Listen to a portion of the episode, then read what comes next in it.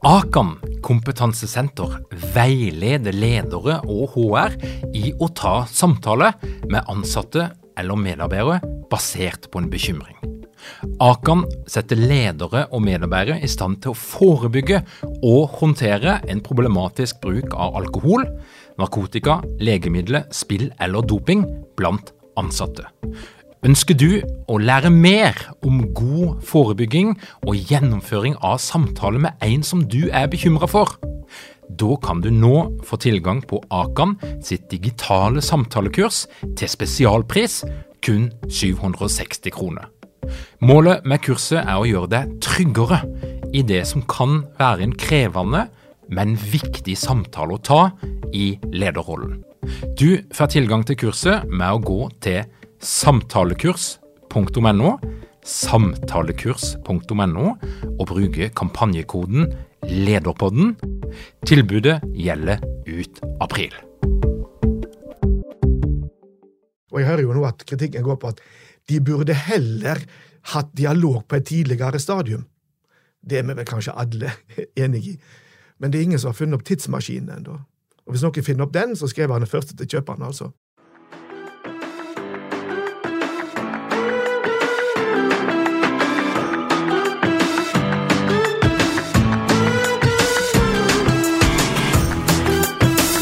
Velkommen til Lederpodden.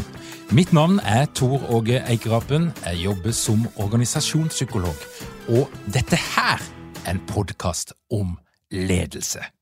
Vi er alle enige om at arbeidsplassen kan være et fantastisk sted å være, der du utvikler deg, du opplever mestring, du blir kjent med nye folk, du knytter sosiale bånd, og det gjør rett og slett livet bedre å være på jobb. Men dessverre så er det ikke alltid sånn. Arbeidsplassen er òg en arena for konflikt, for mobbing, trakassering, og der noen mennesker rett og slett opplever å bli skada for livet. Og i Norge så har vi én mann, en psykolog, som vet betydelig mye mer enn alle andre om akkurat dette her. Og det er ikke mange i denne podkasten som jeg kaller en levende legende, men denne mannen er en av de der jeg faktisk gjør det. Velkommen til Lederpodden, Ståle Einarsen. Takk for det. Ståle, i 30 år så har du jobba med mobbing, trakassering, konflikter og alt det ugreie som kan skje på en arbeidsplass. Åssen ble det sånn?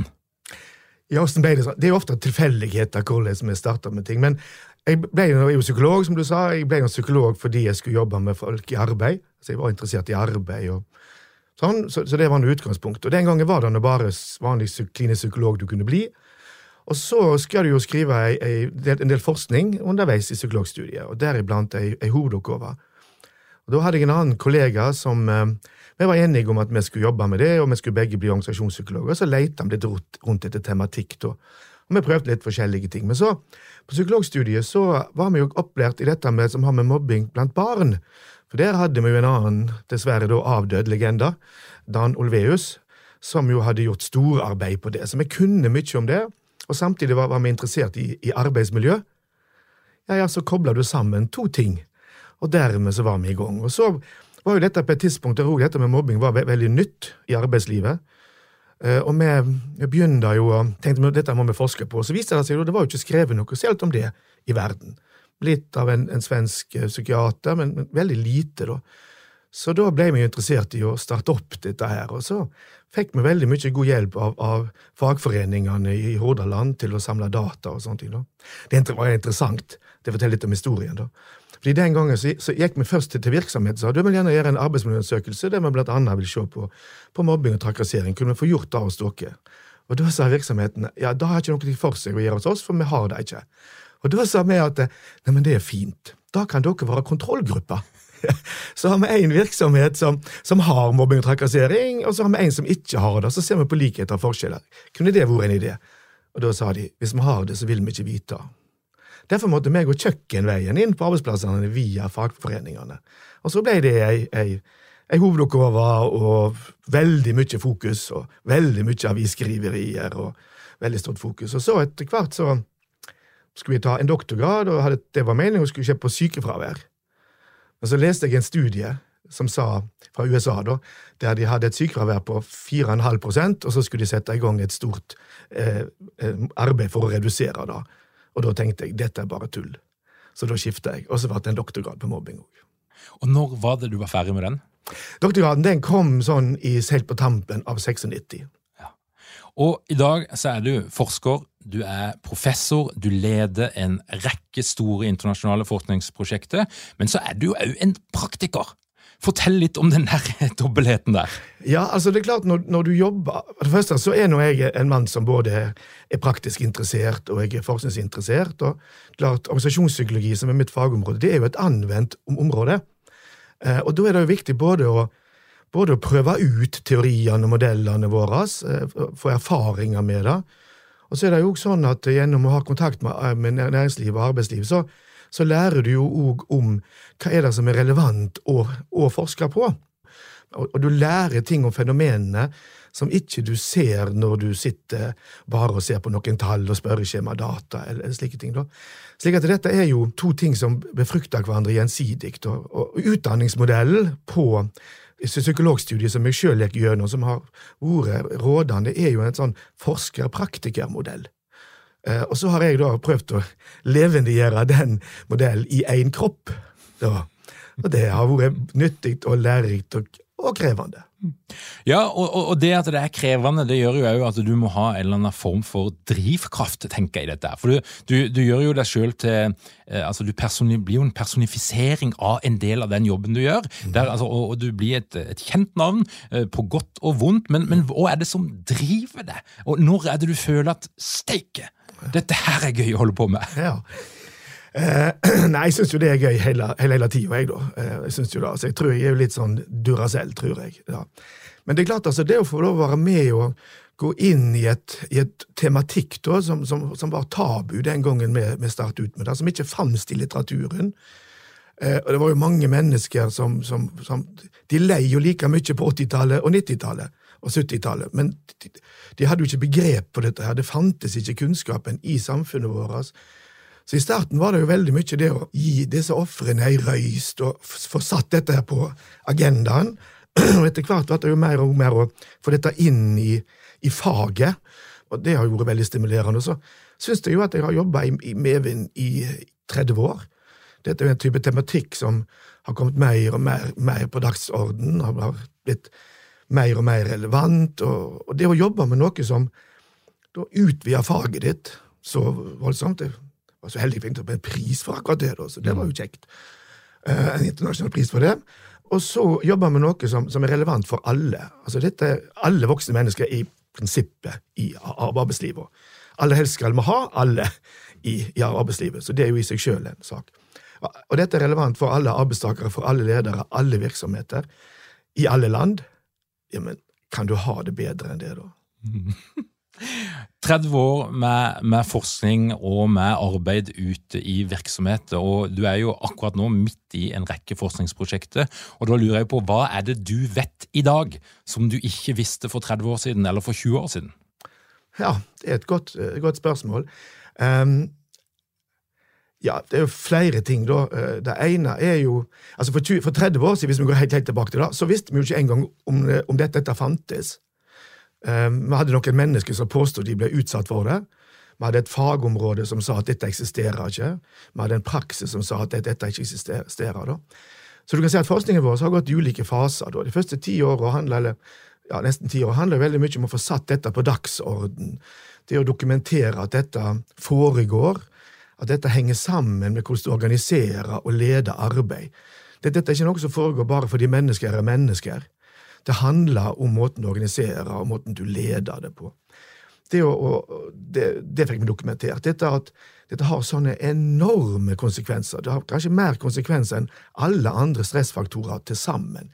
Det å vise at her har du et type fenomen som skiller seg fra andre belastninger og, og, og stressorer. Altså, vi vet jo mye om hvordan det er det å gå, gå, gå i krig, altså det å bli angrepet av de andre. Det vet vi mye om. Og det kan jo til og med styrke folk, og det, det styrker jo grupper. Og det er utrolige lidelser folk kan gå gjennom når du blir angrepet av de andre.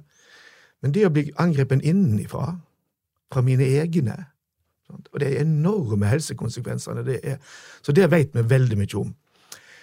Det vi også vet, som jeg virkelig har, har overraska, og kanskje de siste årene, vi har brukt mange år på helt tatt skjønne, da, og som jeg fortsatt lurer på om, om virkelig, virkelig, det er at vi finner at de som blir mest ramma av dette, det er de som i utgangspunktet har veldig gode ressurser, som i utgangspunktet har veldig gode mestringsmuligheter, og som på andre områder i livet mestrer best. Det er de som blir sterkest relativt ramma. Eh, og det forundrer oss jo, for alle vil jo tro, og jeg sjøl har jo skrevet det, at når du blir utsatt for mobbing, så er det spesielt problematisk hvis du i utgangspunktet er sårbar, og hvis du Det er ikke sant. Da er på en måte skaden allerede gjort. Sånn at eh, det er forundret. Så det går imot all folkekunnskap. Nesten sunn fornuft. Det går imot forskningen i, i psykologien. Og, men det har et veldig viktig budskap, hvis jeg kan få si det. Det har det med det budskapet at arbeidsplass og arbeidsgivere og, og partssamarbeid og HMS-arbeidet de skal ikke jobbe med forebygging av håndtering av mobbing og trakassering for å beskytte de sårbare arbeidstakerne. De skal jobbe med det for å sikre at de sterke fortsatt er der. Det er en helt annen begrunnelse. En annen ting som jeg vet mye mer om nå, da, som ikke stopper å forundre meg, det er jo nettopp hvor viktig dette med konflikthåndtering og virksomheter sine systemer og evner til det, hvor utrolig viktig det er. Det er nesten den eneste faktoren som betyr noe. Den, den slår ut effekten på, på andres ressorer, den, den, reduserer alle typer problemer. Altså. Jeg kan nesten bruke fire spørsmål, jeg, og det er det jeg trenger. altså. Vi kaller dette for klima for konflikthåndtering, eller etisk infrastruktur. Da. da blir jeg veldig nysgjerrig på hvilke fire spørsmål det er. Ja, det er sånne enkle, enkle spørsmål som Eh, som du spør, altså, jeg veit hvor jeg skal henvende meg hvis jeg har uenighet eller problemer med jobb. Lederne mine håndterer uenigheter og konflikter på en ryddig måte. Vi har gode systemer og metoder for å håndtere konflikter. De tillitsvalgte og verneombudene hos oss bidrar på en konstruktiv måte. Mm. Og De som svarer veldig høyt på dette, de rapporterer mye mindre av denne type problem, de trives mye, mye bedre, og i den grad de har andre risikofaktorer, så forsvinner den effekten av dem. Altså, det er ikke så farlig med risikofaktorer hvis du bare har dette, da. Det tok meg 30 år å finne ut det! ja. En liten begrepsavklaring. Ja. Eh, mobbing, trakassering, konflikt. Åssen henger dette her sammen? Ja. Hvor skal vi starte med det, da? Eh, mobbing og trakassering Jeg, tror jeg vil gå tilbake, til, eh, tilbake i historien jeg, og så si litt om det der. Altså, eh, Hvis du ser i norsk kultur, og går tilbake i tid trenger ikke gå lenger tilbake enn til 60-, 70-, 80-tallet, litt inn på 90-tallet, så hadde ikke vi ord i språket vårt for å klage.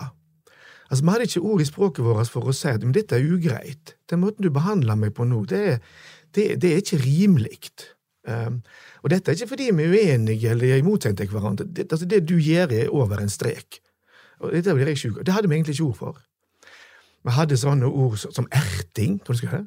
Og I starten så sa folk sånn Ja, før i tida Nei, nå kaller vi det mobbing, før i tida kaller vi det erting. Så altså, vårt språklige synonym for mobbing var jo erting. Kommer du langt mor erting? Kommer du til Høyesterett med erting? Vi hadde et annet ord, eh, som er kanskje det naturlige ordet for å si fra om at ja, men dette er ensidig ugreit. Mm. Altså, En konflikt er på en måte en, en tosidig ugreihet. Sant? med to, to parter som, som syns denne situasjonen er ugrei.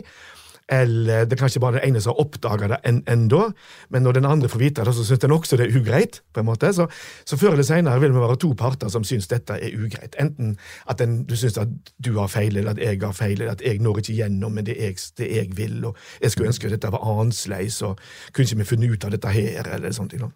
Mens, mens mobbing trakassering det handler jo om at ja, men, det kan godt hende dette er en konflikt, men der gikk du over en grense. Nå gjør du noe ensidig, og du gjør det på en slik måte at dette tar jeg skade for, og det var dette noe jeg ikke skulle behøve å, oppleve. Okay? Og Så har vi ett ord for sånne, sånne ting, et naturlig ord i språket, som, som unger bruker naturlig, og det er ordet urettferdighet. Det er urettferdig, sier hun. Unger sier ikke mobbing. Det er voksne som sier det. Er du med? Så det er urettferdig. Men da klarte vår, vår kultur å ødelegge det klageordet òg. For da sa vi 'verden blir aldri rettferdig'.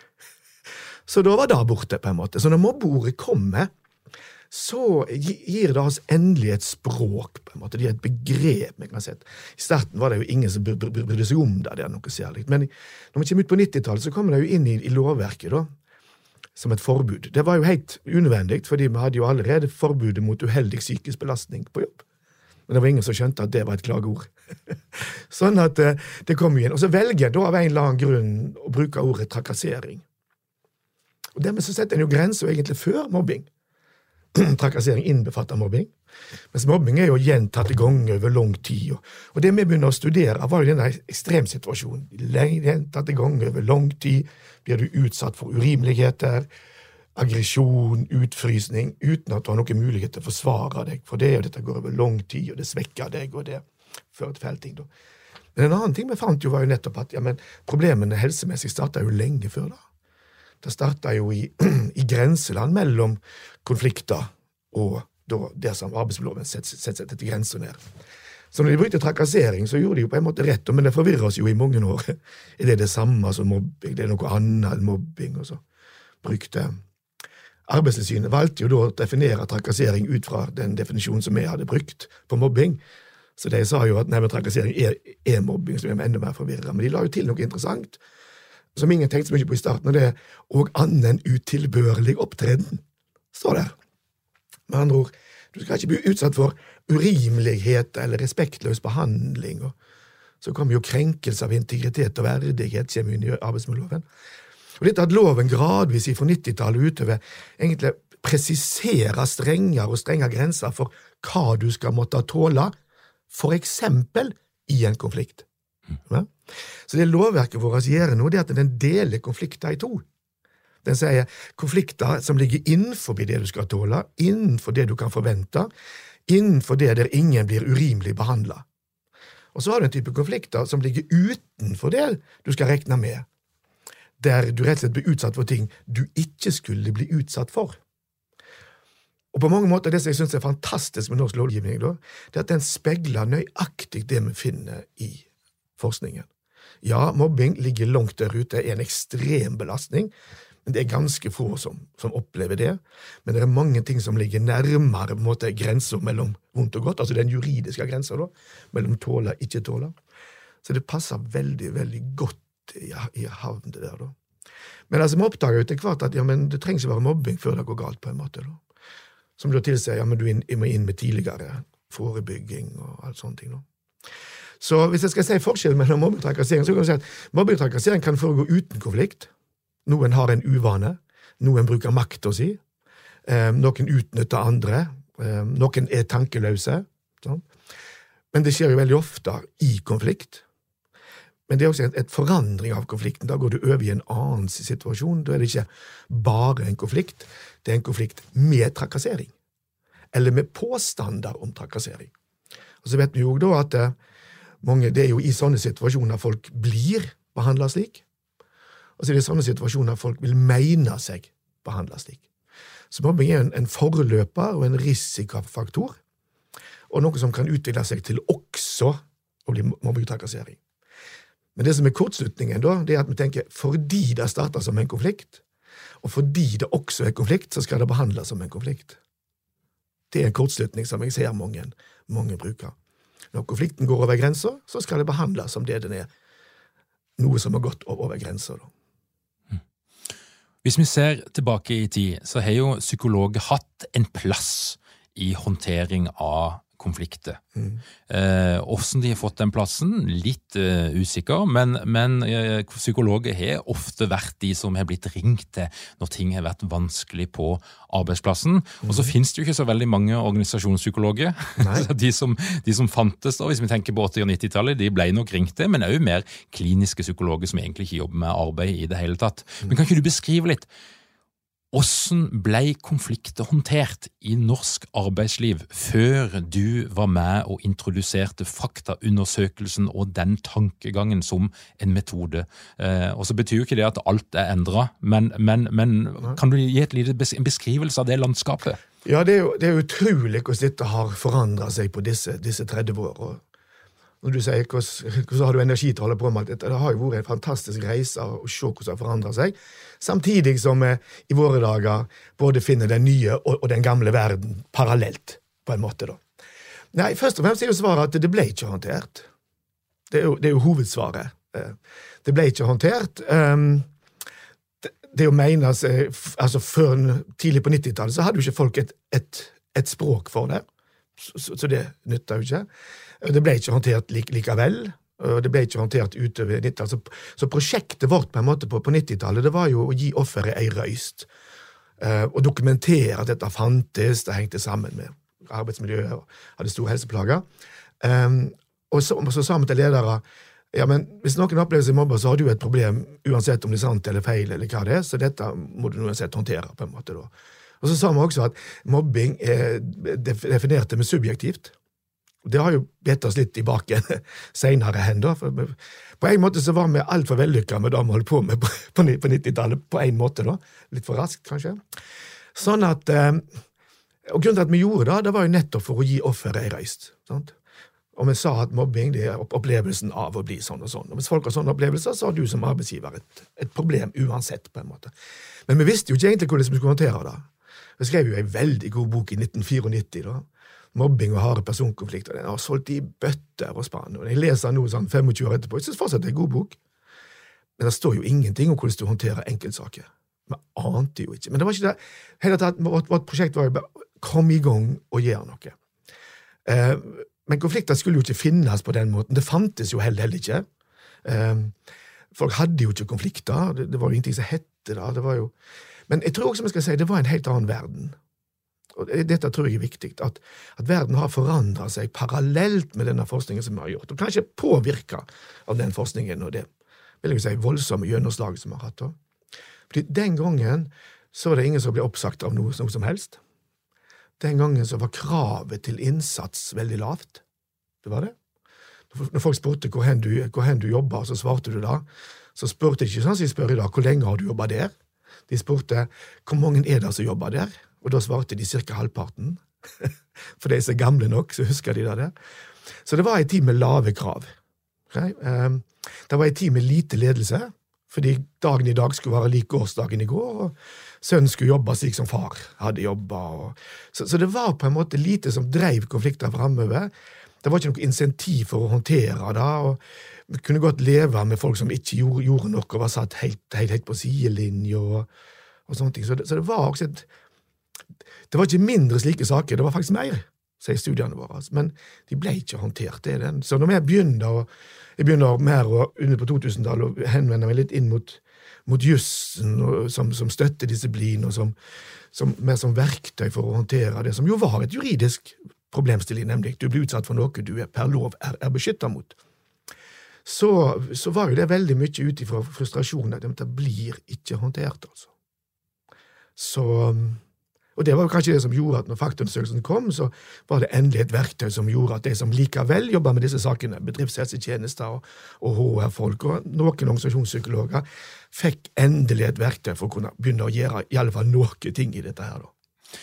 Før vi slipper historien helt, så, så har du noen sånn kuriøse eksempler på hvor galt det kan gå? For, jeg, for jeg, jeg, kjenner jo til historier der psykologer har vært inne og gjort mer skade eh, enn nytte for seg. og Da snakker mm. vi om, om altså, mer terapeutiske intervensjoner som, som, handler om mange gode intensjoner, ja. men der det allikevel kan gå veldig galt. Ja. For, for, dette er jo ei mørk side her. Altså, det ble jo praktisert ting rundt forbi som, som vi i dag vil tenke ikke var særlig bra. Ja, ja, det var jo det. Du kan jo si at det, Når man aldri skjønte at dette begrepet uheldig psykisk belastning, som jo er den egentlige grenselinja i arbeidsloven, det er jo ikke mobbing og trakassering. Altså, sånn sett så trong vi ikke det begrepet, for går lenge før. Men det var jo ingen som skjønte at det var, et, at det var en grense. Fordi kommer tilbake til 80- og 90-tallet, så jo, hadde vi jo alle uheldige psykiske belastninger. på en måte. Livet var jo det. Ledere sa du må knuse noen egg for å lage omelett. på en måte, sant? Og Det hang bilder av nakne damer rundt omkring på arbeidsplasser. Hvis du var ung kvinne, så kløp de deg i baken, og det måtte du tåle. og, eh, og, og sånt. Sånn at det var en helt annen verden. Nesten sånn at du ikke kan forklare det til ungene dine, hvordan verden egentlig var. Folk dro på seminar i fellestransport og drakk i baksetet. Altså. Det er alt dette som vi nesten har glemt. Så det var en helt, helt type annen verden. Ja, Istedenfor kanskje å trekke fram enkelteksempler, så tror jeg vi trekker fram ja, men hva var det vi gjorde da, når, når vi begynte å håndtere dette, før vi kom med disse mer juridisk orienterte prinsippene, og før vi prøvde å leve opp til arbeidsmiljøet, før vi hadde skjønt at ja, men vi har jo en arbeidsmiljølov for dette. Det hadde vi ikke skjønt. Det, det skjønte jo ikke jeg før i 2003-2004-2005, jeg. Hussein, vet du. Så hva gjorde vi da? Jo, til på 90-tallet gjorde, gjorde vi ingenting. Men når vi kommer mot slutten av 90-tallet, så begynner sakene å tvinge seg på, på en måte. Og da kommer en jo opp med en annen type metodikk, løftmetodikk. Husker du sikkert? Og Det var det mange som, som jobba med, løsningsfokusert tilnærming. Og Det var jo noe som, som ty, en litt sånn typisk metodikk. Den kommer jo fra, fra terapirommet, kommer fra parterapi og, og sånn, og så blir det løftet. Og vi hadde jo ikke noe annet. sant? Og så og så, Da hadde en iallfall en, en metodikk, den hadde iallfall en struktur en kunne, kunne jobbe med. Men problemet med metodikken var jo at den ikke implisitt, eksplisitt sa vi skal ikke bry oss om det, det som er problemet, vi skal fokusere på det som virker. Så når vi nå går inn og tar dette problemet, her, så fokuserer vi ikke problemet, men fokuserer på det som eventuelt skulle virke på tross av problemet. på en måte. Og Det ble jo en, kunne jo bli i verste fall en krenkelse både av ja, for den som opplevde seg mobba trakassert, Altså, her opplever jeg noe veldig alvorlig, og jeg blir sjuk av det, og så skal vi ikke snakke om det engang. Tvert imot skal jeg snakke om alt det fine med sjefen min. Sånn. Og samtidig så ble jo de som ble anklaga, de ble også krenka av det, fordi at de, de måtte sitte der og snakke med en person som anklaget for veldig alvorlige ting, som de sjøl mente var helt feil. Så, så, det der, i beste fall så kunne det jo funke, ja, i verste fall så ble det jo skikkelig galt. Sant? Og så er det jo alltid sånn med, metodikk da, at når den kommer, så er den ment for noen typer situasjoner, og så blir den brukt i andre typer situasjoner. Sant? Den var jo ikke meint egentlig for sånne typer situasjoner. Det var jo heller ikke intensjonen til de som lanserte den, og, men, men den ble jo brukt sånn fordi en hadde ikke noe annet. Og på mange måter så kan du si at hele, hele metodikken er jo et brudd på arbeidsmiljøloven. Mm. Jeg mener vi må og trakassert. Fint, kom her, så skal vi snakke om det, men vi skal ikke, ikke snakke om det. Og vi skal ikke undersøke hva som har skjedd. Altså, det bryter alle prinsippene i arbeidsmiljøloven. Så hele metodikken var brudd på arbeidsmiljøloven hvis han ble brukt i disse situasjonene. Sant? Og så er metodikken helt fin. Altså, det er ikke noe galt med han, brukt i de riktige situasjonene. Og så har vi òg en kar som heter Jan eh, Andersen, mm -hmm. eh, som, eh, sånn som jeg har forstått det, i hvert fall, praktiserte en, et hotellopphold mm -hmm. som løsning på konflikt. Altså, vi mm -hmm. låser oss inne på et hotell, ja. de to partene og Jan Andersen, eh, og hans løfte var no cure, no pay. Altså, det koster mhm. så så mange tusen, dette her. Og hvis ikke konflikten er løst når de kommer ut av det hotellet, så får du pengene tilbake. Ja, ja. Jeg vet ikke om du kjenner til den uh, metoden, og, ja. og, og, som egentlig skjedde på hotellet. Det vet jeg ikke så mye om. Nei, det, det, det, det vet ikke jeg heller så veldig mye om, men jeg har nå lese boka hans. Og sånt, og det har jo også en, han har, Sånn som jeg leser boka hans, eller den er eksplisitt det, så, så, er det jo igjen terapeutisk teori som, som blir brukt uh, i det, da, som da blir flytta fra, uh, fra, terapirommet og, og over i arbeidsrommet. Og Det er jo kanskje noe av det som jeg syns var det store problemet for oss som psykologer da fram til si, de første 15 år av det tingene på, men vi tok metodikk fra et, terapirom og flytta det inn i et arbeidsrom. Uten å spørre oss sjøl ja, er det andre juridiske rammer rundt dette, er det andre roller, finnes det avtaler mellom partene her, er det noen som har ansvar her? Og Det gjorde meg helt, uavhengig av det. og Sånn som Atle Andersen beskriver teorien sin bak det her nede, da er jo det akkurat det samme. og han sier vel også at sånn som mobbing og trakassering det finnes jo egentlig ikke. Det er noe du sjøl hører. Du. Det er du som lar deg mobbe og trakassere. Det, det, det, det, passer veldig godt ut fra den teorirammen, og det er viktig i, i, terapirommet. For i terapirommet der skal vi trene folk til å ikke la seg påvirke av ting de ikke kan forandre. Du? Mm. Du kan ikke forandre bestemor i sin måte å håndtere deg, men du kan forandre hvor mye du hører på bestemor di, eh, hva du bryr deg om hva bestemor di sier, og hvor mye du forholder deg til bestemor di. Så hele prosjektet til psykologien er jo å frigjøre folk fra makt. Og mange av te teknikkene våre i, i terapirommet handler jo om det. Å erevere de som driver med det i terapirommet. Men i arbeidsrommet kan du ikke la være å høre på sjefen din, for da mister du jobben din. Eh, og da har du ikke penger til mat og hus og klær til ungene dine. Og i, i terapirommet, nei, i arbeidsrommet, der, der er jo makt reell. Altså, Sjefen har makt over deg, og sjefen kan gjøre veldig mye ubehagelighet over deg, spesielt hvis ikke du hører på han. Eller hun. Så det var kanskje det den store Men, men igjen, hvis vi skal på en måte unnskylde da, eller forstå, så er det fordi vi hadde jo ikke noen annen type. Og, dette er viktig å si, vi kunne ikke henvende oss til utlandet, for det var ikke kommet på langt ned så langt som oss. Altså det, det var ikke noe å hente der ute. Og da måtte folk gjøre så best de kunne, på en måte. da. Det er det som heter best practice. så, så, på den måten så vil jeg nå være litt sånn mild i kritikken av de personene som holder på med det. da. Mer kritisk i dag når vi veit. Og er ditt inntrykk eh, av hvordan ting praktiseres i dag? Jeg tror det er veldig eh, todelt. Eh, det er veldig todelt, og det har, det har jeg data på. Vi gjorde en undersøkelse i 2018 da, som vi nå publiserer i, i en ny utgave av boka vår på konflikter og trakassering. da. Eh, og Der går vi ut til kommunene i Norge, og så spør vi HR-sjefer, og så spør vi hovedverneombud, og så har hovedverneombudet spredd undersøkelsen til sine lokale verneombud. Så har vi ca. 1500 av disse. Sikkert oppunder 1000 lokale verneombud og opptil 300 hovedverneombud og tilsvarende HR. da for ca. 75% av norske kommuner. Så det er et ganske representativt utvalg, da, selv om vi ikke helt vet hvor mange verneombud som har fått og ikke svart. og sånt. Men de, de er nå mange. og de, de lokale verneombudene representerer uansett 200 kommuner. Da spør vi jo de både om de har kjennskap til slike saker, hvor mye erfaring de har med dem, hva type metodikk en brukte når en håndterte disse sakene, hvordan, hvordan kommunen håndterer sakene, og så spør vi de om hvor mye mobbing og trakassering de mener finnes. Stort et problem i din avdeling og sånt. og så spør jeg meg om hvor fornøyd var du med måten saker du kjente, ble håndtert, og hvor fornøyd mener du partene var, var med det? Da? Og Da viser det seg jo at, at kommunene deler eller verneombudet jeg syns verneombudet er mest interessante, da. Fordi de har jo ikke noe å forsvare. altså HR har jo noe å forsvare, det var det som håndterte. Og, og tillitsvalgte har jo alltid noe å, å angripe, på en måte. Sant? Tillitsvalgte skal jo per definisjon for så vidt alltid være uenig i det som kommer, og presser arbeidsgiverne. Det er jo legitimt å gjøre. Da. Men verneombudet har jo ikke det. Og I tillegg har jo ikke noen egeninteresse i det. på en måte. Da. Og I tillegg så skal jo verneombudet leve med det etterpå. Så jeg syns det er de beste respondentene jeg har. Kanskje til og med bedre enn å spørre de som er involvert, for de er jo, er jo partsrepresentanter, og de ser jo verden gjennom sine egne øyne. Men i alle fall, det, disse verneombudene, for så vidt de andre òg her, viser det at enten så jobber kommunene med med faktaundersøkelse, med saksbehandling, med juridiske prinsipper og arbeidsmiljøloven, eller så gjør de det ikke, på en måte. Det deler seg litt sånn halvt om halvt, på en måte. Så min, min, min, inntrykk er jo at på mange måter er vi kommet veldig mye lenger, og jeg syns det har skjedd mer de siste fem-seks åra enn det skjedde på de første 25 åra. Så sånn sett så er jeg veldig sånn positiv til det. da. Men samtidig så ser jeg jo at den gamle verden lever parallelt med dette. Så vi lever på en måte i en verden både en ny og en gammel verden parallelt, vil jeg si.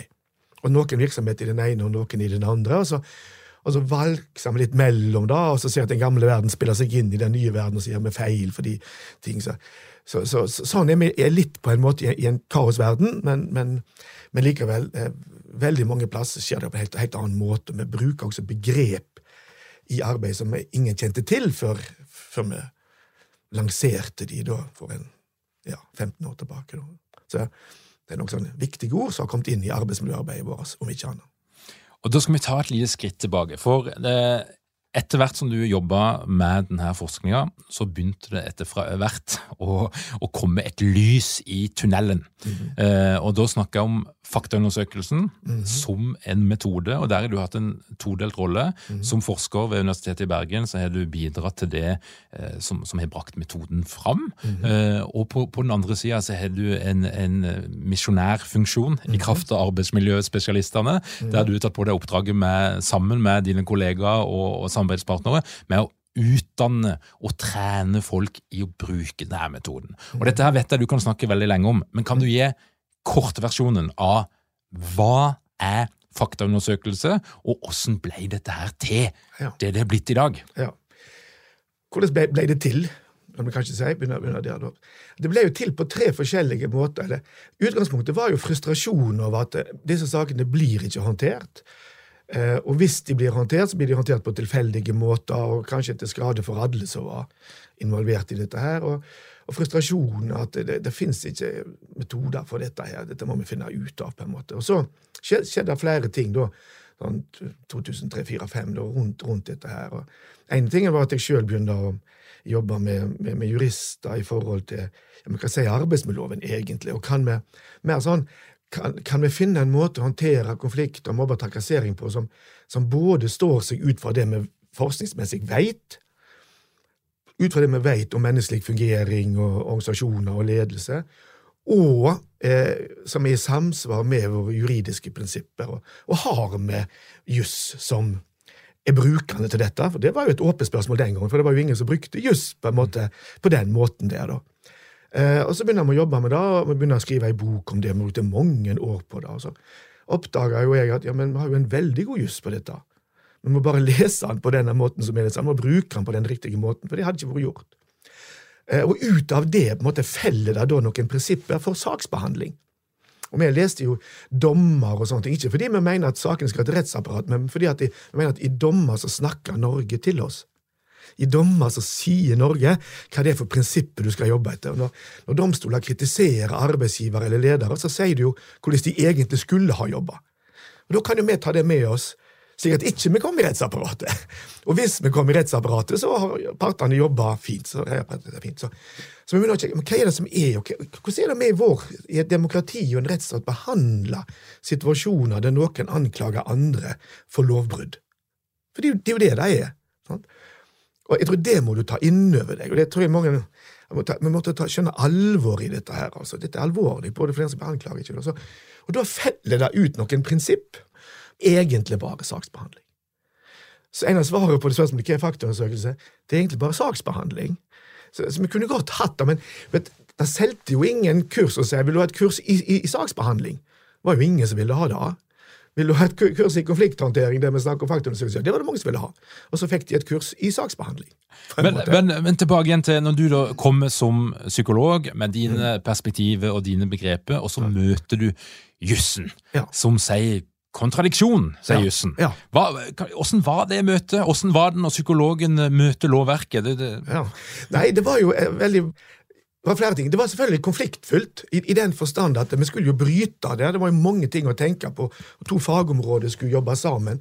Så på en måte var det jo da, Vi brukte jo konflikt i betydningen uenighet, i, i den betydningen. Da frustrasjoner til å bryne oss sjøl og tvinge oss til å tenke videre. Samtidig så var det jo en sånn eureka. Sak, men her er jo verktøyene. Og så må man huske på én ting. Psykologi og juss er ikke så forskjellige som fag. Det er tvillingfag. Det er to sider av samme sak, fordi vi har et felles objekt, og det er rettferdighet. Psykologene de studerer hva opplever folk som rettferdig, hva er konsekvensene av rettferdighet, hva er konsekvensene av urettferdighet, hva skal til for at noen syns det. Mens juristen sier jo da Ok, kan vi lage noe som vi er enige om er rettferdig? Og vi kan være så enige at selv om partene etterpå mener det er urettferdig, så er det faktisk rettferdig, fordi vi er sammen. Så det er jo på en måte eh, Jussen tar jo det som psykologien og andre samfunnsvitenskap og helsefag sier, ja, men her har vi et problem, sånn oppleves det, og så forsøker en å lage en rettferdig håndtering av det. Det er jo hele grunnprinsippet i rettsstaten.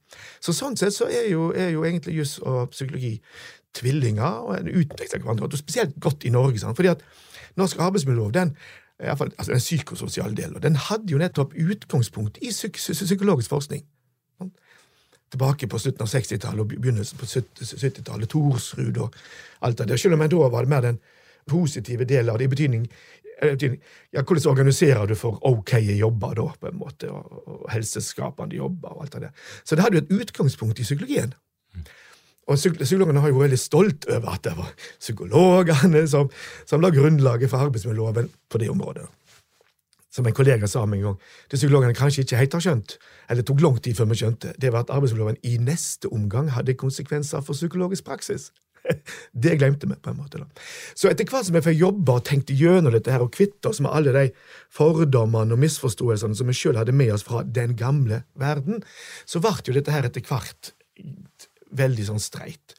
Så handler det nett om ja, men hvordan gjør vi det i praksis. Der? Og kanskje en av de tingene jeg er mest sånn fornøyd med, er at vi har bidratt til å få dette ordet kontradiksjon, motsvarsretten, retten til å forsvare seg, retten til å få vite hva du anklager for, at det har vi fått inn i veldig store deler av norsk arbeidsmiljøarbeid. Og det var det ikke før 2005-2007. Altså, jeg har ikke hørt om det, det var ingen som brukte det. Så mange av disse saksbehandlingsbegrepene er jo kommet inn. Eh, sånn. Så kan du si, hva er faktaundersøkelsen da? Eh, utover at det egentlig bare er saksbehandling. Så mange, Dette er bare saksbehandling. Så eh, no big deal, på en måte. um, og av og til kan jeg tenke men er, er dette en metodikk? Er det egentlig det? Eller er det en metode? Ja, Det er en metodikk, altså en måte å jobbe på, men det er jo ikke noe annet enn å leve opp til det vi alle er enige om at vi skal gjøre. Arbeidsgiver har en undersøkelsesplikt. Det står i arbeidsmiljøloven. Arbeidsgiver står fritt til å, om man gjøre det sjøl, bruke interne krefter, eller om den legger inn eksterne krefter, men står ansvarlig. Står ansvarlig. Eh, du må basere deg på dokumenterbare forhold. Du skal ikke verken dømme folk eller frikjenne folk eller noe ting for, for, ting som ikke er dokumenterbart. Det er jo rimelig. Um, um, du må være opptatt av habilitet.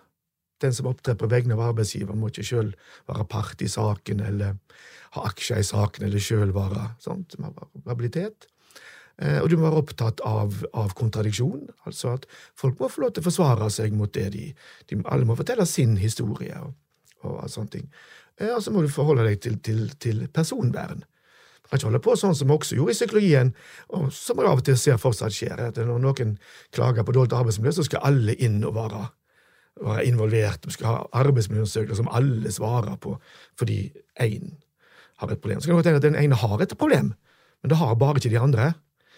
Jeg har ikke den et problem da, når de andre ikke har det. Altså, det er mye sånn god tid det. Da. Så det er egentlig ikke noe annet enn det. Og så var det Arbeidstilsynet som, som valgte å bruke, bruke, det navnet på det. da.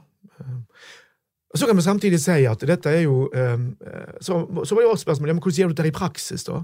Altså, Hvordan gjør du dette? Hvordan, hvordan omformer du saksbehandlingsprinsipper til en måte som ivaretar rettferdighet, som, som, som reduserer belastningen, på tross av at dette er en veldig belastende situasjon. Så hvordan gjør vi dette? Det brukte vi jo mange år på. Prøve ut og tenke. Altså. Så boka på det kom jo ikke før i 2016. dette skjedde jo. Men parallelt med dette så skjer det jo to ting som ikke vi har noe med å gjøre. Det ene er jo at det kom en rammeavtale i Europa på hvordan en skal håndtere trakassering da, og vold, som Norge skriver under på. Eh, den er utarbeidet av partene i arbeidslivet, men som Norge tar til Norge, og der både partene og regjeringen skriver under på det. Skjer i 2007. Og Der står jo de akkurat i samme prinsipp. Så der står der avtalene, Alle trepartsarbeidere har bestemt hvordan dette skal håndteres. Det står der. De bruker ikke ordet faktaundersøkelse, men de snakker om det skal etterforskes, eller det skal undersøkes, må ha lov å klage. med vi skal undersøke klagen, ikke arbeidsmiljøet rundt eh, klagen. Vi skal ta stilling til om folk er mobba eller ikke. Det skal skje rettferdig. Folk skal få lov til å komme med sin versjon av, av saken, um, osv. og Så, så det står på, så det kom jo på en måte prinsippene seilende inn mens vi drev og strevde litt med å forstå dette. her. Og så kommer prinsippet, dette er det prosjektet Jobbing uten mobbing som kom fra Bondevik, der en var på jakt etter vi må begynne å håndtere disse sakene. Og hvordan gjør vi det? Og så og der partene da var med og ga meg og kollegaer oppdrag i ja, vi For det fantes jo erfaringer i England på dette. da, De jobber jo mye mer formelt enn oss. Så de hadde allerede erfaring med dette fra andre typer situasjoner, da, diskriminering og rasisme og sånt, som kunne lære litt, litt av dem, og partene dro til England og kikka på dette her og tenkte dette, dette må vi ha i Norge, men på norske forhold. og så. Så den måten kan du si at eh, faktaundersøkelse er si, ja, det er en måte å gjennomføre saksbehandling på. Eh, som sikrer at du lever så godt opp til deg som, som, som mulig, og som gir deg en struktur til å, til, å, til å, holde på med dette, kan du si. Da. Så, så se på det der på forskjellige måter. Det, det, er en måte å leve opp til saksbehandling på. Mm. Og så, eh, Theo, du Har dere mange ledere uten trening eller utdannelse innen ledelse? Mangler dere en felles kultur og praksis for ledelse? Ønsker dere å være bedre rusta for fremtidig vekst og endring? Da kan et internt lederutviklingsprogram være en god investering. I Execu så er vi eksperter på å designe og gjennomføre bedriftsinterne lederutviklingsprogram. Hvis du ønsker å lære mer om hvordan vi kan hjelpe dykken til å få enda bedre ledere, ta og klikk deg inn på execu.no.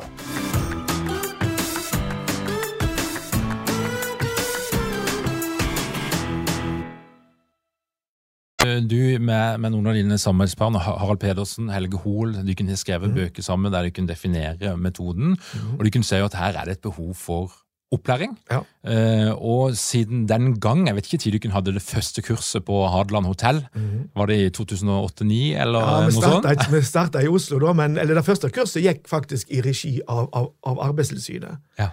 Fordi at Dette utvikla vi jo på oppdrag fra altså Grunnprinsippene her ble jo utvikla på oppdrag av Arbeidstilsynet mm. uh, i dette prosjektet. Da. Uh, og det ble utarbeida i, i, et partssamarbeid, egentlig. Ikke egentlig, det gjorde det. Og, den som leda det arbeidet, var jo midlertidig ansatt i Arbeidstilsynet og kom fra, eh, fra et LO-forbund. og sånt. Så dette var jo sånn. Så Det første kurset ble faktisk holdt ble jo, fikk også i oppdrag å, å lage et, et, kurs i dette. her da. Eh, og Da tok vi jo lærdom fra England, og sånt, og så kjørte vi et pilotkurs innad i Arbeidstilsynet. Så hadde jo vi forventa at Arbeidstilsynet skulle måtte rulle dette ut, og de hadde jo investert mye i dette. her, Så vi satt nå på gjerdet med i over et år og venta på det, men så skjedde det ingenting. Og så, det, prosjekt, det er ofte det som skjer når prosjekter er over, så stopper det opp, og det som jobber, det blir spredd. og Arbeidstilsynet ble jo samtidig eller arbeids, eh, Direktoratet for Arbeidstilsynet ble jo litt vingeklippa og desentralisert og flyttet til Trondheim. og så, og tilfeldigheter da, så. Når vi kommer ut i 2009, så begynner vi å tenke ja, men skal, så skal vi ikke lære opp folk på dette her? Skal vi måtte glemme alt det nå? På det tidspunktet var det jo Arbeidstilsynet som hadde brukt veldig mye penger på, på, dette her, og partene. og sånne ting. Så tenkte jeg, ja, Vi hadde jo bruksrett til det, og vi hadde jo de intellektuelle rettighetene og bruksrettene til det. Så begynner vi da så smått i 2008-2009, da, på en måte etter et år. Og så går det sakte og rolig, og så tar det jo av på et, et tidspunkt. Og vi hadde jo ingen plan om det. jeg tenkte bare at de som har lyst til å oppleve det her, og så, og så utvikla vi også metoden mens vi holdt på med det. Vi lærte jo av, av, av praktikere, vi lærte av praksis. Og. Så skrev vi bok og sier omtrent sånn går det an å gjøre det. Dette er prinsippene. Og sånt. Mm. Og så skjer jo det da at eh, verden, eller Norge, oppdager faktaundersøkelsen. Og jeg vil jo anta at mange fikk endelig svaret på hvordan skal vi håndtere dette her, som er så vanskelig, som er så kilden, som skaper så mye frustrasjon, sykefravær, altså det er belastninger både for organisasjonen, for de enkelte, og så kommer det noen og serverer en metodikk som er godkjent av, av en professor i psykologi, av, av jurister, av partene. Fantastisk. Og det ble jo begynnelsen på en suksesshistorie der mange hundre HR-medarbeidere, konsulenter, psykologer som meg sjøl, ja. har vært på de her kursene, blitt trent opp. Noen har, har, fått en introduksjon, mange har blitt såkalt sertifisert og vært igjennom et, et, et løp for å bli mhm. det. Mm -hmm. uh, og, og, det er jo en suksesshistorie. Mm -hmm. og, og, og, det er jo et misjonærarbeid som mm -hmm. For min del så opplever jeg jo det sånn at, at det, det endrer seg. altså du, du, møter stadig på flere og flere som, som, forventer at hvis du skal inn og bistå med konflikter, ja, så må du ha de prinsippene i faktaundersøkelsen med deg. For det er sånn profesjonell konflikthåndtering er. Så min opplevelse er jo at misjonærarbeidet deres har, har lykkes. Ja. Ja. Og, og, og, Hvordan vil du beskrive på en måte den, det som har skjedd fram til i dag? Ja, altså, vi, Jeg har jo ikke hatt en, noen sånn generalplan på Det har blitt litt til underveis, og så var det jo Jeg har jobba mye i på en måte i medvind fordi tiden har jobba i den retning som jeg har villet, men samtidig i, i, motvind fordi det har vært kulturer som skulle endres. Og sånt. Og så på et tidspunkt så, så løsner det på en måte, da, sant, som du sier. og så blir det et voldsom etterspørsel etter dette her, og, og, og, noe som jeg var mer eller mindre forberedt på. på en måte da. Um, så jeg er enig med det. Det har, det har jo virkelig skjedd. Samtidig så har vi jo um, har vi da måttet tenke ja, ok, eh, da med metodikk. Og jeg tror det løste problemet for, for veldig, veld, veldig, mange. Men, men samtidig så, det, så, har jo sakene endra seg litt underveis her. Og så har vi jo jobba mye mer med etter hvert ja, men, ja, men hvordan forbereder du organisasjoner på dette? Hva systemet må du ha rundt dette her, da? Hva, eh, og, og, og, hvordan utvikler du de, de internkontrollsystemene egentlig, parallelt med det? Hvordan utvikler du hva skal de inneholde, hvordan skal jeg gjøre dette her? Og Så kommer spørsmålet ja, hva gjør du etterpå, da? Altså, det er jo greit at du har funnet ut Faktaundersøkelsen er jo ikke noe annet enn å finne ut hva er det som omtrent har skjedd i denne saken, og hva er det som ser ut til å være den mest korrekte beskrivelsen av det, på en måte. Sant? Det er jo noen som har irritert seg på ordet fakta. da, Finnes det fakta? Ja, altså, det er jo den dokumenterte sannhet. Det det. Ja, og hva, hva, eh, Vi kan godt gå litt ned, for jeg vet at mange er liksom interessert i hva, hva, er fakta? Hva er en subjektiv opplevelse? Hva er en fortolkning? Persepsjon? Ja. Ja. du er veldig opptatt av. Ja. Og, og, og er det i det hele tatt eh, mulig å snakke om fakta når det er noe som skjer mellom mennesker? Ja, hvis ikke vi kunne snakke om det, så hadde vi jo avvikla politiet for, for lenge siden. Det har vi ikke gjort. Og vi har ikke gjort det i barnefordelingssaker, vi har ikke gjort det i barnevernssaker, vi har ikke gjort det på noen andre områder enn her, på en måte. Så det er klart at eh, fakta, det er jo dokumenterte forhold. Altså, det er det vi kan være mest sikre på. Okay? Er det et fakta at vi opplever klimaendringer? Det er vel det som er mest dokumentert. Det er det vi per i dag er mest sikre på, basert på den dokumentasjonen som vi har tilgjengelig, og, og kvaliteten på den dokumentasjonen. Det er vår beste gitting ut Men legg merke til, det heter ikke sannhetsundersøkelse. Det heter det ikke. For det er det bare Vår Herre eller hvem det nå er, som, som, som veit, på en måte. Men vi er nødt til å agere på det vi kan dokumentere. Altså, det, det er det beste vi har. Eh, og og veldig ofte så er, så er nå folk ikke så uenige om, om faktaene når det kommer til stykket. Ja, vi var på det møtet. Ja, jeg sa det til deg. Jeg brukte kanskje ikke det ordet, men jeg, jeg tror jeg brukte det ordet. Så, så det er greit. Men det må du nå tåle! Hei, det er mobbing, sier den andre. Og så er spørsmålet ja, hva er det da, sett ut fra et, fra et um, nøytralt faglig eh, ståsted, da. Og det, jo, og det er jo arbeidsgiver pålagt å gjøre. Altså, så på en måte kan du si at eh, hvis jeg sånn skal være litt sånn sjølkritisk i ettertid, så kan jeg tenke Gud, det tok, det tok lang tid å oppdage, du. Eh, og herregud, det, det her fikk du mye, mye, skryt for, men altså, det er jo ikke du som kom på dette her. Altså, dette er jo allmenne med prinsipper som har ligget i lovverket vårt og hele tiden. Vi har bare ikke brydd om oss. Så, så vi, vi gjør er kanskje at vi har fått det opp på agendaen og vist folk hvordan du kan gjøre det på en måte. da. Men, men det er òg noe som krever både forarbeid, det krever etterarbeid, det krever systemer, det krever kulturendringer. Så. Sånn at eh, det krever ikke minst klagekompetanse. Jeg har lagt fine ord, da. Klageord. er Et ord, jeg ord vi bruker til å klage på. Ord vi bruker til å si 'nå gikk du over grensa'. Sånn. Nå blir jeg utsatt for noe. Og Der kommer det jo stadig nye fra ikke ha det, kommer stadig nye klageord. Et nytt sånt klageord er jo fryktkultur. Det er et klageord. Og det er da le- le- ledere må, Det er ikke alltid at folk bruker ord mobbing, trakassering, eller sånt, men folk må, ledere må skjønne men der kom det et klageord. Nå er vi i en klanderverdig situasjon. Påstand om klanderverdig situasjon, det er risiko for uhelse for begge, begge to. Da må jeg jobbe etter saksbehandlingsprinsippene. Eh, til forskjell fra nå er vi i et diskutabelt forhold. Nå er du enig om et eller annet. Nå kan begge ha rett, og begge ha feil. og Nå går det an å diskutere det. Dette går det an å ha ulike meninger om. Sånt. Eh, Sånn at det er jo ikke Det er jo da egentlig bare å, å gjøre det som hele tida har vært, vært sagt, eller vært vært bestemt. da. Mm. Og det som skjer i en faktaundersøkelse, det er jo at ting blir tydeliggjort. Ja. Det blir skriftliggjort. Ja.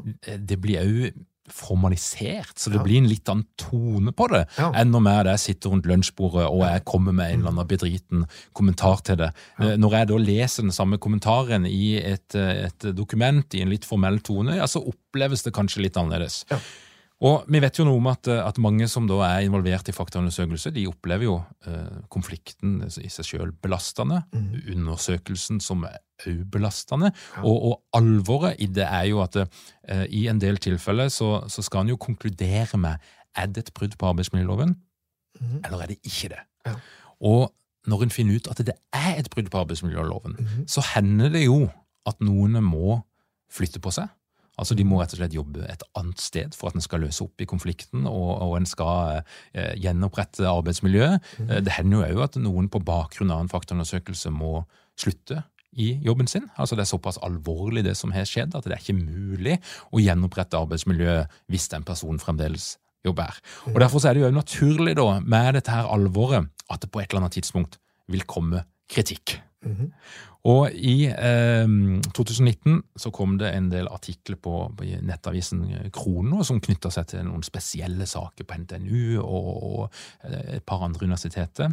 Mm. Eh, og så kom altså denne boka i april 2020 som da heter Faktaundersøkelse et hybrid konfliktvåpen på norske arbeidsplasser, skrevet av Bitten Nordrik og Teresa Østbø Kuldova, eh, som jobber med Arbeidsforskningsinstituttet med Oslo OsloMet. Og jeg har jo lest denne boka, og, og, og, det er jo eh, massivt. Mm -hmm. uh, altså det er, det er, mange deler av faktaundersøkelsen som blir, blir angrepet, og de, de, skriver det. Jeg skal bare oppsummere litt, sånn at sånn vi vet hva vi snakker om her. For her er det, det, Jeg kan ikke ta med alt som er med her, men, men, det de skriver, da, det er noe sånt som På side 32 så, så gir de en innledning til hva er hovedargumentet her. Hva er det de har imot denne metoden? Ja. Og det de skriver er at I denne boka viser vi hvorfor de negative konsekvensene av faktaundersøkelse ikke er å anse som tilfeldige. Det er ikke tilfeldig at faktaundersøkelse eskalerer konflikter og stigmatiserer individet, eller at mange utvikler psykiske lidelser som depresjon, posttraumatisk stresslidelse og selvmordstanke etter å ha vært utsatt for faktaundersøkelse. Det er heller ikke tilfeldig at metoden innskrenker ytringsfriheten på arbeidsplassen, forverrer det psykososiale arbeidsmiljøet og undergraver partssamarbeidet. Problemet ligger nemlig i selve metoden, ikke i en dårlig anvendelse av metoden. Dette er hovedargumentet som gjenger som en rød tråd og utvikles gjennom alle bokens kapitler. Og det er, jo, det er, jo, heftig, og jeg kjenner jo selv som eh, en, eh, en psykolog som anvender denne metoden og, og, eh, og har veldig god tro på metoden, så kjenner jeg jo at dette her, dette her er massivt. Og du beskriver jo selv at det har jo vært medvind. Mhm. Det har vært altså en metode som har vært stor oppslutning rundt, og det har vært noe som på en måte har vist litt vei og lys i mhm. veldig vanskelige problemstillinger. Ja. Men, men, men, hva er det som overrasker deg mest, egentlig, med den kritikken som, som blir presentert i denne boka? Ja, Hvis jeg skal kanskje snakke litt mer litt bredere enn det, altså det, for det har jo kommet sånn, leserinnlegg og litt sånn knytta det. da. Vel, det er flere ting. da. Det ene tingen er jo at jeg er overrasket over at kritikken kommer så seint. Ehm, at, diskusjonen om det kommer så seint. Dette har jo sitt opphav i 2007-2008, og det går jo nesten ti år. Eh, så da kan man si, hvis dette var så forferdelig, hvorfor kommer det ikke før nå? på en? Så det, er det ene, på en måte. Um, og En annen ting som har jo også overrasket oss, det er jo hvor lite hvor få slike saker som kom, kom til rettsapparatet. Det har jo overrasket oss voldsomt. og det tok veldig lang tid før det. Vi satt jo og venta på det, for vi ville jo gjerne hatt eh, rettsapparatet til å si noe om denne metodikken. Sant? Og, eh, ikke fordi vi mener at sakene skal til retten, men nettopp fordi vi mener at da, da forteller Norge oss. Dette, altså. Men det kommer jo veldig lite, og i veldig liten grad er ikke noe kritikk av metodikken. Der det jo, kan det være litt kritikk av den konkrete faktaundersøkelsen eller arbeidsgivers håndtering, for det er jo det det, det, handler om.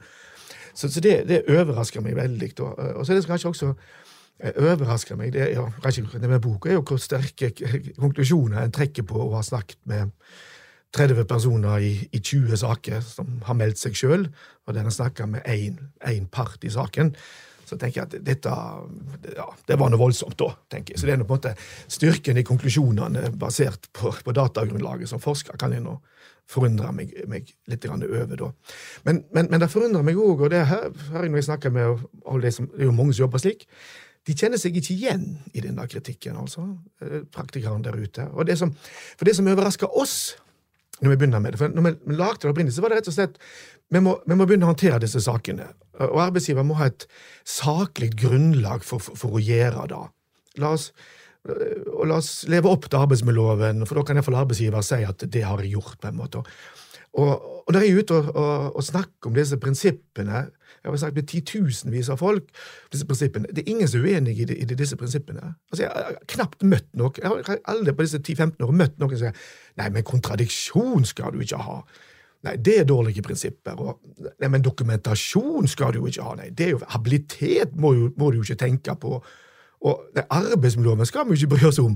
Altså, Alle prinsippene har jeg aldri hørt noen kritisere. Så dette at det, er Metodikken i seg sjøl, det, det, det, forstår jeg ikke. Men, men, jeg tror også at det er noen misforståelser. At en, en, jobber med en metodikk som kanskje ikke er akkurat det som det skulle være. Da. Men det som forundrer oss, var jo det motsatte. For det vi opplevde da, det var forundring. og som en på en måte et bieffekt det var at folk var fornøyde etterpå. Det forundrer oss. Selv folk som ikke fikk, fikk medhold i undersøkelsen, var jo fornøyde etterpå. De kom og sa at ja, jeg, jeg, jeg fikk iallfall lagt fram saken min. Jeg ble iallfall rettferdig behandla. Eh, jeg er kanskje uenig i konklusjonen, men jeg ble veldig ordentlig behandla. Så, så, da måtte vi til å lese oss opp på teori som vi ikke hadde tenkt så mye på. Det var jo rettferdighetsteori. Rettferdighetsteori den viser noe interessant. Den sier hvis du har en rettferdig prosedyre til å behandle urettferdighet Rettsapparatet er en sånn. Okay? Stortingsvalg er en sånn. sånn. Noen parti får lov til å bestemme mer enn det prosentene de har. Det er jo egentlig urettferdig. Ja, men vi har en prosedyre for det. Utjevningsmandat. på. Sånn. Sitte i regjering med 4 er urettferdig. Ja, men vi har sånn. Så hvis du har en rettferdig prosedyre, så vil opplevelsen av urettferdigheten dempes. Og det er jo det vi har opplevd i det, i det store og det hele. Det er jo det som har vært hovedbildet. Og så har forundret oss på en måte at folk var så fornøyde, og at, at, eh, at ting ble bra etterpå. For, for, det kunne du egentlig forvente. Altså, dette her er jo situasjoner der de anklager hverandre, og folk skal forsvare hverandre. og det er jo samme, Tar du naboen din til rettsapparatet, så blir det jo ikke noe bedre forhold til naboen. stort sett. Det er jo prisen du, du, betaler for det, men av og til så tenker du at det er verdt, det er verdt prisen. Sånn? Så at det skulle forundre oss, det, det, var jo rart. Men det forundrer oss mer at det ikke nødvendigvis ble sånt. Ikke alltid det sånn. Men en annen ting som rettferdighetsforskning viser, det er jo at men hvis du mener at resultatet er urettferdig nok, så vil du også mene at uh, metoden er feil. Nå gikk jeg over tårn, eh, Tårnplass i dag, rett ved siden av her som jeg sitter. og Der satt en mann med en plakat, og der skulle han sitte til dess saken hans ble håndtert. For han mente at rettsapparatet var eh, gjorde feil og var udugelig og alt sånt. sånt. Så, og det kan godt hende at en mann har rett, det vet ikke jeg, men, men, men det, der ser vi jo hele tida. Men, men, det er klart, ulempen hvis man skal med seg, Er det noen ulempe som en, som en peker på her? Ja, det, jo, det, blir jo ikke nødvendigvis fred og fordragelighet av dette her. Uh, og her syns jeg det er kanskje et litt sånn dilemma, da, fordi at uh, jeg har lagt, jeg har lagt et annet ord som heter klagekompetanse. Det synes jeg er et fint ord. Altså Det å kunne klage, det å vite hva det betyr å klage, det å skjønne hva konsekvensen av ulike ord betyr. For noen av ulempene med at mobbing og trakassering er blitt så, så anerkjent som fenomen, og blitt noe som kulturen vår tar så voldsomt sterk avstand for, og som dermed også er veldig ubehagelig å bli anklaga for. Og Det er det en ofte glemmer. Det, altså det, det, er to parter i dette, her, og den ene blir anklaga, og noen ganger med urette. Fordi dette er blitt veldig sterke ord i kulturen vår, så er det også lett å bruke disse ordene når, når du sjøl måtte mene deg urettferdig behandla. Um, eh, og så kan du si nå har vi fått en metodikk, da, så hvis folk sier A, så får de B, på en måte. Og Det er det jo ikke alltid folk skjønner. Ja, men det var jo, det var jo ikke meningen. og og, var det sånn det skulle vært? Da? Så, så Derfor er det jo veldig viktig. Der vi ser det fungerer best, dette her, da, det er jo i virksomheter som har brukt lang tid på å lage pro pro prosedyrer, som har trent interne folk i. Så mitt prosjekt har jo vært å handle om å få virksomhetene sjøl til å håndtere. Altså Mitt prosjekt har ikke vært til å lage en ny, ny metodikk for, for dyrekonsulenter. Det, jeg har jo sjøl gjort en og annen faktaundersøkelse, men, men, men, noen ganger så er, er det behov for det. Men, men prosjektet mitt har jo handla om å sette BHT i stand til det, sette HR i stand til det, sette ledere i stand til det. Og Det jeg har opplært, er jo de gruppene der. Det er ikke, det er ikke juristene. det er noen få organisasjonspsykologer, men egentlig ikke så mange, og, og iallfall ikke revisjonsselskapene som holder på med det. Hva de driver med, det, det, det, vet ikke jeg. Så du må ha, De plassene det virker, er jo når dette blir gjort internt, det blir tatt på et tidlig plan, altså før det har og sånn. Og Jeg kjenner heller ikke igjen dette at det da nødvendigvis får så voldsomme konsekvenser. Altså, flertallet av sakene er jo ikke sånn. Eh, det er jo veldig få saker, og som sagt, veldig få saker som ender i rettsapparatet. Og Hvis dette var urimelige måter å si opp folk på, så ville jo dette ende i rettsapparatet. Det er nesten ingen saker, det her. Veldig få. En og annen sånn. Og dette er det som så farlig, men Jeg tror en ting jeg har lyst til å si tilbake til dette med hva er faktaundersøkelsen. Og da har jeg lyst til å for dette, Ja, vi fikk en metodikk. Mm. Det var flott. Og flinke folk fikk en metodikk til bruke og gjorde mye godt arbeid på det. Men var vi forberedt? Var virksomhetene forberedte? Var kulturen forberedte? Var ansatte forberedte? Var de det egentlig? Det kan du, det kan du lure, lure, på. eh, om det var det. For det vi jobber mye med nå, er jo ja, hva gjør vi før, hva gjør vi etterpå, og alt sånt. Men husk på at faktaundersøkelsen, slik vi har eh, presentert den, det handler jo på om, om noen er utsatt. Altså Det er det som er fokuset. Arbeidsmiljøloven har et fokus på har arbeidsgiver en plikt til å iverksette tiltak når noen er utsatt. Okay? Det er det som er poenget. Så det er faktaundersøkelsen, slik som vi har eh, sagt den, det er jo det, er det du skal finne ut. Den er ikke i utgangspunktet opptatt av å finne ut har noen opptrådt dårlig der. Det er bare en bieffekt. på en måte. Så kan du si ja, men trenger du dette? Da kan ikke bare arbeidsgiver sette i verk tiltak, da. Må du kjøre ditt apparat? Hvis hun føler seg sånn, kan du ikke bli det, da. Problemet er jo at eh, begrunnelsen for tiltaket er kritikk av, av en annen. Så hvis arbeidsgiver da sier ja, men vi setter tittelen likevel, med, så har du jo gjennom tiltaket konkludert med at den andre har opptrådt urimelig, uetisk, ulovlig. Det er jo det som er dilemmaet for arbeidsgiver. Men, men, hovedfokuset her er, Jeg har aldri skrevet en eneste faktaundersøkelsesrapport der jeg har sagt noe som helst om sanksjoner. For det er et annet spørsmål. Så dette handler om utsatthet. Det burde jo være, være, være bra. Så er jo spørsmålet om, om når en driver dette, om en da heller gjør det motsatte, eller har det andre fokuset. Nå skal jeg undersøke hvor fæl du har vært. Det er jo et annet sak. Prinsippene er de samme. Saksbehandling er saksbehandling, på en måte, men det er noe annet. Og her kan vi lære noe av England, da. Storbritannia, som er så veldig eh, formelle. Eh, som jeg da helst ikke ville være. Vi ville være uformelle. En gang fikk jeg et oppdrag for, fra det eh, engelske regjeringen, eller etter det, Industridepartementet. For de hadde hørt at, at, vi var så flinke til å håndtere konflikter uformelt i Norge. Om vi ikke kunne skrive en rapport til dem hvordan vi gjorde det. kunne du ikke det? Uformelt betyr jo bare at vi vi ikke vet hva vi gjør. Det er det det betyr. Så jeg tapte masse penger på ikke å kunne skrive den rapporten. da. Men hvis du ser på England, så ser du veldig tydelig. For England, engelske virksomheter de har to prosedyrer det ene er en complaint procedure, altså en klageprosedyre. Og Da undersøker de om noen er utsatt. Og det kan være utsatt ut, altså Du kan være mobba uten at noen har enkeltpersoner har, har mobba deg. Det kan være drypp på drypp på drypp på drypp over, lang tid. på en måte, Sant? Så din utsatthet er uavhengig av hva andre har gjort. Det er en sammenheng, og sånt, og du bruker hva andre har gjort som en dokumentasjon på det, men fokuset er på er du utsatt. Og så konkluderer en da. Og så har noen sagt å, vi kan ikke ha sannsynlighetsovervekt. Jo, men selvfølgelig, så lenge vi ser på utsatthet, da kan vi jo ikke legge, legge lista høyt for at det skal være bevist. Er du med? Det er når du snur deg mot eh, eh disiplinærreaksjoner. Da må lista være litt høyere. Sant? Da må du være sikrere, og det må være mer alvorlig. på en måte. Så vi har en komplekst og det tar bare stilling er person A utsatt. Og så er den ferdig så har de en ny prosedyre, da. De starter på en måte på nytt. Altså, Da har de en disciplinary hearing. Og da er fokuset på ja, men gjennom den faktaundersøkelsen så dokumenterte vi noe om din atferd som betyr at du har opptrådt illojalt mot meg som arbeidsgiver, og da er saken ikke mellom dere to, eller saken er aldri mellom de to. Den ene er har jeg som arbeidsgiver en plikt til å beskytte deg? Har du en legitim rett på beskyttelse? Sant? om jeg rydder opp i noe for deg. Det andre er nå har du gjort noen ting på den andre sida som jeg ikke aksepterer. Og Det er så alvorlig at jeg vil gi deg en advarsel, eller jeg vil gi deg en instruks, eller jeg vil flytte på deg, eller i verste fall så vil jeg eh, si deg opp. Det er en annen prosess. Og fagforeningen vil ha to ulike roller. En, ene prosessen ja, så fint at du undersøker om mitt, mitt, mitt medlem er utsatt. Hurray, fin greie, av arbeidsgiver.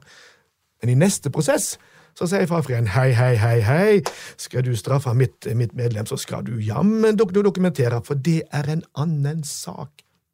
Okay. Og så er spørsmålet om vi har vært flinke nok til å skille disse. Og her får vi ikke hjelp av systemene i virksomhetene, for vi skiller ikke mellom dette. Okay. En annen ting er jo da at eh, disse sakene ble jo lagd med tanke på at person A har anklaget person B. Hva er det som har skjedd her? Men de sakene som jeg leser med i media, det er jo store, langvarige konfliktsaker som involverer mange over, over, over veldig lang, lang, tid, og med gjensidige beskyldninger. mer eller mindre. Det var jo ikke det som var utgangspunktet vårt. Og de sakene, så hvis jeg tenker på de sakene, så tror jeg vi har masse mer faglig utviklingsarbeid å gjøre alle, alle sammen. Og hvis du da tror at en faktaundersøkelse er et quick fix på de sakene, da tar du skammelig feil. Og da må du jobbe på en helt annen måte. Og da kan faktaundersøkelse være et element i et avgrensa ting, men, men, men, det var det jo aldri meint. Så, så tilbake til spørsmålet for lenge siden, nemlig hvordan reagerer du på det? Jeg syns på mange måter at, det, at grunnlaget for kritikken det, treffer ikke helt, på en måte. da. Men det er, det er en kompleks uh, suppe på sett og vis, dette her. For mange av de her konfliktsakene de, de har jo pågått lenge.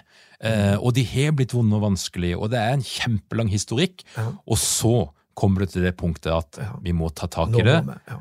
Altfor seint. Ja. Og da har det vokst seg svært. Og, og, per i dag så er jo da faktaundersøkelsen det som de fleste har å ty til. Uh, det som iallfall ligger nærmest i verktøykassa. Ja. Og så eh, kan du si at eh, folk spør meg hvordan jeg skal gjøre ting. Altså, Jeg vet hvordan du skal gjøre det rett. Men det som er veldig vanskelig, det er å si hva du skal gjøre rett når du har gjort, gjort, gjort feil lenge. Det, det, det, vet vi ikke helt. Men vi begynner å jobbe med det òg, og da er det flere ting som vi nå begynner å jeg tenker er viktig. Partssamarbeidet er viktig. Partssamarbeidet det, Dette her står ikke Litt av kritikken er jo sånn at, at dette står i veien for partssamarbeidet. Nei, nei, det gjør jo ikke det. Tvert imot, partssamarbeidet må, må, fungere over dette. på en måte. Det må utvikles innenfor partssamarbeidet. Og de plassene det virker godt, det er jo det der fagforening og bedriftshelsetjenester og HMS har vært med å utvikle de enige om, om, om prinsippene, og de, de, kan måte, overvåke dette. Sant? og der du tar det tidlig, sånn som det var meint å være. da. Og så må en ha lengre prosesser når dette, når dette involverer hele avdelinger, hele arbeidsmiljøet. Det har pågått over lang tid, det gjensidige beskyldninger, folk er allerede blitt syke. Dette med at en blir syk av metodikken altså, Vi dokumenterte jo lenge før vi hadde tenkt ordet faktaundersøkelse, at folk fikk PTSD og depresjon og angst av disse, disse, disse sakene. Eh, så det får de helt uavhengig av type metodikk, og det får de hvis du, hvis du ikke gjør noe. Og det gjør du hvis du gjør noe. Altså, dette er alvorlige ting, dette her. Så jeg tror på en måte at sakene har forandra seg litt i disse 15 årene. Fra å være mer sånn reinskårne mobbetrakasseringssaker, så er det blitt mye mer større arbeidsmiljøsaker, gamle synder som, som kommer opp, og som nå skal takes tak i. Og så har en dette ene verktøyet, da. Uh, mens dette er jo egentlig noe som skal inngå i et stort både forarbeid og etterarbeid. Og der. Og ikke minst så handler det da, om, å, om, å, bli enige om ja, men, men er vi i den uakseptable verden? Altså Har du et klagemål som du mener skal undersøkes, ja, men så har du, en, du har jo en legitim rett til å få undersøkt et arbeidsmiljøbrudd. Okay? Men du har også en legitim rett til å få vite at du har feil. det er jo ulempen med det, da, på en måte. Um, sånn at um, det er ennå masse arbeid å gjøre da, rundt dette. her. Selve faktaundersøkelsen er bare et element i det arbeidet å jobbe med denne type saker. Og denne type saker finner jeg ikke på samme måte i utlandet. For der har de sagt opp folk for lenge siden. Så de har løst problemet. Så jeg, jeg møter ikke den type saker som jeg nå møter, og som ikke vi møtte tilbake på tidlig på 2000-tallet heller på samme måten. Så verden har også forandra seg gjennom dette. her. Men det er interessant, for da sier du noe om at i Norge så er vi eh, gode på omsorg. Ja. Vi er gode på å la ting gå uten å ta tak i det, med det resultatet at sakene eh, vokser. Mm -hmm. Og at det er egentlig det som vi ser på som noe positivt med norsk arbeidsliv, mm -hmm. kan òg slå hardt tilbake. Ja. Og, hva, og hva er det som, Hvis vi skal liksom trekke noen store linjer, hva er det som kjennetegner Norge, hva er det som skiller Norge fra andre, andre land? Ja, altså etter det, det er jo mer sånn juridisk. Vi har en, vi har en sterkere ansettelsesbeskyttelse, da, ansettelsesvern, enn iallfall mange land. på en måte da. Eh, så Det er jo én ting. Det betyr jo òg at det å løse problemene med å si opp folk, det som en gjør mer i andre land, det, det, det, er det ikke helt på samme måten, da, kan du si. Så, så det er én ting. Vi har en mye bedre arbeidsmiljølov enn de fleste andre. Tydelig arbeidsmiljø, kanskje Sverige og til dels, og og, og Finland og sånt, men vi skal ikke lenger til Danmark før den er my mye svakere og mer utydelig enn vår. Sånn. Så Derfor så har vi gode verktøy. Men så kommer en veldig viktig ting, da. Fordi vi i Norge er mer beskytta altså, Ute i verden så snakker de om kan vi få lovverk for å beskytte folk mot mobbing og trakassering. Vi har beskytta folk mot uheldige psykiske belastninger i 40, siden 1977. sant? Eh, og mot krenkelser og mot utilbørlig opptreden. Så som arbeidstaker i Norge er vi mye, er mer beskytta. Men det har en bieffekt. det betyr at arbeidsgiver kan også være strenge mot oss, strengere mot oss i måten vi oppfører oss på. Så dette kommer med ei bakside. Det betyr at du kan bli kritisert som med, med, med medarbeider i mye større grad i Norge enn i andre land, fordi vi er beskytta mot ting som de andre land ser mellom fingrene på. Ser du da? Dette er denne dobbeltheten. Eh, og det er vel kanskje det som blir litt sånn sjokk for jeg tror litt sånn sjokk for, for, for nordmenn, denne voldsomt strenge arbeidsloven vi har, som vi er, vi er veldig stolt av, men det er jo ingen som har lest den. på en måte. Det er ingen som forholder seg til den. og Da ser vi jo i denne kritikken. Da forholder seg på en måte ikke til selve arbeidsmiljøloven. Og Noe da jeg er redd for, da, skal jeg si da, jeg er bekymra for, så er det det dette er kritikken av det. Arbeidsgiver undersøker. Vi burde hatt en ekstern, uavhengig part. her, må si det. Men et av grunnprinsippene i Norge er at arbeidsgiver står ensidig ansvarlig for arbeidsmiljøet. Ensidig. Ja, vi har et partssamarbeid på hvordan vi skal gjøre dette her, og vi skal forhandle om det, og ja, vi har en bedriftshelsetjeneste som skal være uavhengig og påse dette, ja, vi har et arbeidsliv som skal passe på, men arbeidsgiver er ensidig ansvarlig. Eh, og det er jo det som gjør at arbeidsgiver skal undersøke, eh, er den som undersøker, kan legge inn folk til å un undersøke. Men da er det jo veldig viktig at arbeidsgiver og, og partssamarbeid har utvikla hvordan skal vi gjøre det, har blitt enige om det, lært opp folk til det. Så det er mange ting som er viktig rundt det. da. Men jeg er jo redd for at hvis, hvis det er det en angriper, så kan jeg godt tenke at mange arbeidsgivere i Norge kunne tenkt seg å sluppe det ensidige ansvaret. Det skulle ikke forundre meg. Så fra fagforeningshold så ville jeg vært veldig forsiktig med akkurat det. Og du skal ikke lenger enn til Danmark før de kan avtale seg bort fra arbeidsmiljøloven og der arbeidsgiver ikke på samme måten er ensidig ansvarlig. Jeg vil ikke anbefale det. Hvis vi skal se inn i uh, framtida, ja. inn i krystallkula ja. Henne kommer dette til å gå? Altså I dag så har vi da en situasjon der vi har Det er jo en privat praktisering av lovverket eller altså en, en faktaundersøkelse er noe som foregår utenfor de, de offentlige instansene. Det foregår internt eller i kraft av en, et konsulentselskap, en rådgiver eller lignende. Så har vi jo, som du sa, de store revisjonsselskapene som driver med sine granskninger. Mm -hmm. Vi er litt usikre på hvilken metodikk de bruker, mm -hmm. men en eller annen metodikk må det være. Altså, det, dette her private, regulerte området, hva kommer til å skje? Ja, privat regulert Jeg vet ikke om jeg er enig i det nei, Nei, jeg vet ikke, Hva skal vi kalle det for noe? Altså, det er jo en eller, annen, en eller annen håndhevelse av lovverket -hmm. som foregjenger utenfor offentlige instanser fram til noen eventuelt da til det inn for, for, retten. Er det riktig å si? Ja og nei. Eh, fordi det gjør jo ikke det. For det offentlige her er jo arbeidsmiljøloven. Mm. Altså, Disse områdene som er relevante her, så kan du ikke avtale deg bort fra dette, f.eks. Så dette er jo så å si offentlige regler som alle må agere innenfor. Så, så, så, på den måten er ikke, ikke dette noe sånn privat. Det, det er ikke noe, jeg ser jo at det blir privat granskning. Det er jo ikke det. Det er jo i hvert fall ikke faktaundersøkelsene. Det er jo arbeidsgiver som undersøker det som det offentlige har pålagt arbeidsgiver å gjøre.